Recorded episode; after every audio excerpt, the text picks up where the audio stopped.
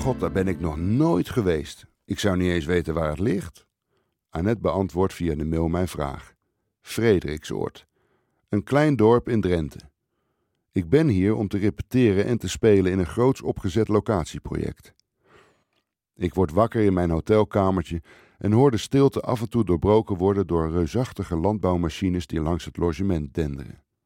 Het is nog vroegdag. Het ontbijt wordt door de eigenaar gelopen. Dezelfde man die mij negen uur geleden nog een duvel verkocht. Ons contact is afstandelijk. Zijn muur van vooroordelen dik. Die westerlingen die hier maar kunst lopen maken en maar zuipen en maar doen. De eigenaar zorgt ervoor dat ik iets aan hem moet vragen. Achter het geschreven bordje melk staat een lege kan. Heb je ook melk? Ja hoor, tuurlijk.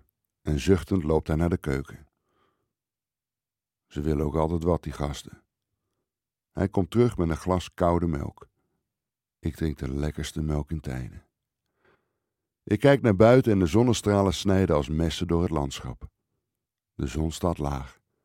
De ochtenddauw is van een middeleeuwse schoonheid. De hunebedden zijn ook vannacht niet verzakt. De lucht is helder blauw. Nederland. Mijn Nederland. Een serveerster begint tegen mij aan te praten nadat ze met mij op de foto is gegaan. Ik zie het wel hoor, dat jullie uit het westen komen. Oh ja, reageer ik. Wat zijn dan de typische kenmerken van ons westerlingen? Ze gaat in cowboyhouding staan en gebruikt haar vingers om op te sommen. Jullie zijn vaak homo, maar dat geeft niet. Jullie zijn veel vegetariër en jullie zijn vaak aanwezig. Dat laatste punt, daar kan ik mij iets bij voorstellen. De dagen vliegen voorbij en er wordt door de acteurs, technici, vormgevers, muzikanten, productie twaalf uur per dag gewerkt. Noem je dat werk? mompelde de eigenaar mij in het voorbijgaan. Na de eerste try-outs blijkt dat we een succes zijn en het dorp ontdooit. De eigenaar van het logement is in zijn nopjes, want er gaat veel geld verdiend worden. Hij doet de bar, ook op locatie. Hij noemt mij nu gewoon Bas en ik krijg vaak een hand van hem. Er doen bijna 200 vrijwilligers uit de buurt trots met ons mee. Bij mijn ochtendwandeling volg ik mijn impuls. Ik laat mijn hand over de ribbelige schors gaan van de boom langs de kant van de weg. Ik aai en klop de stam alsof het een beest is.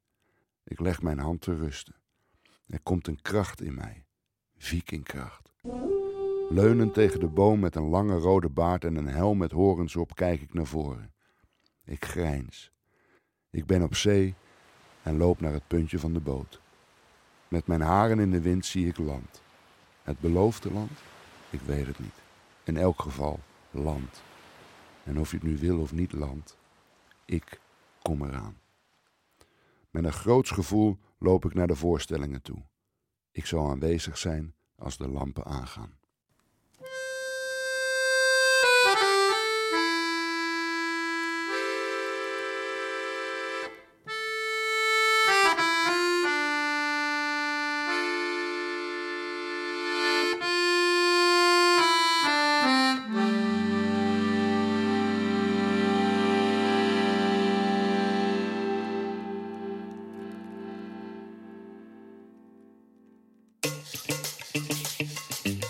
Hey hallo, luister ook eens naar Mijn Vader is een afhaal-Chinees.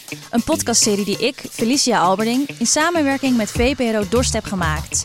In deze serie duik ik diep in de wereld van je favoriete afhaalmaaltijd. Roti, Chinees, kebab, we zijn er allemaal gek op. Maar wat weten we eigenlijk over de mensen achter deze gerechten? Je kan ze echt haten, Turkse mensen of wat dan ook. Ja, op een gegeven moment zie je die persoon zie je wel s'avonds een broodje kebab eten. Dat vindt hij wel weer lekker. Via het eten ga ik op zoek naar de verhalen achter de luikjes en vitrines. En ik stel de vraag: is onze maag soms toleranter dan ons hoofd? Een podcast van de VPRO en NPO Radio 1. Abonneer je nu via je favoriete podcast-app.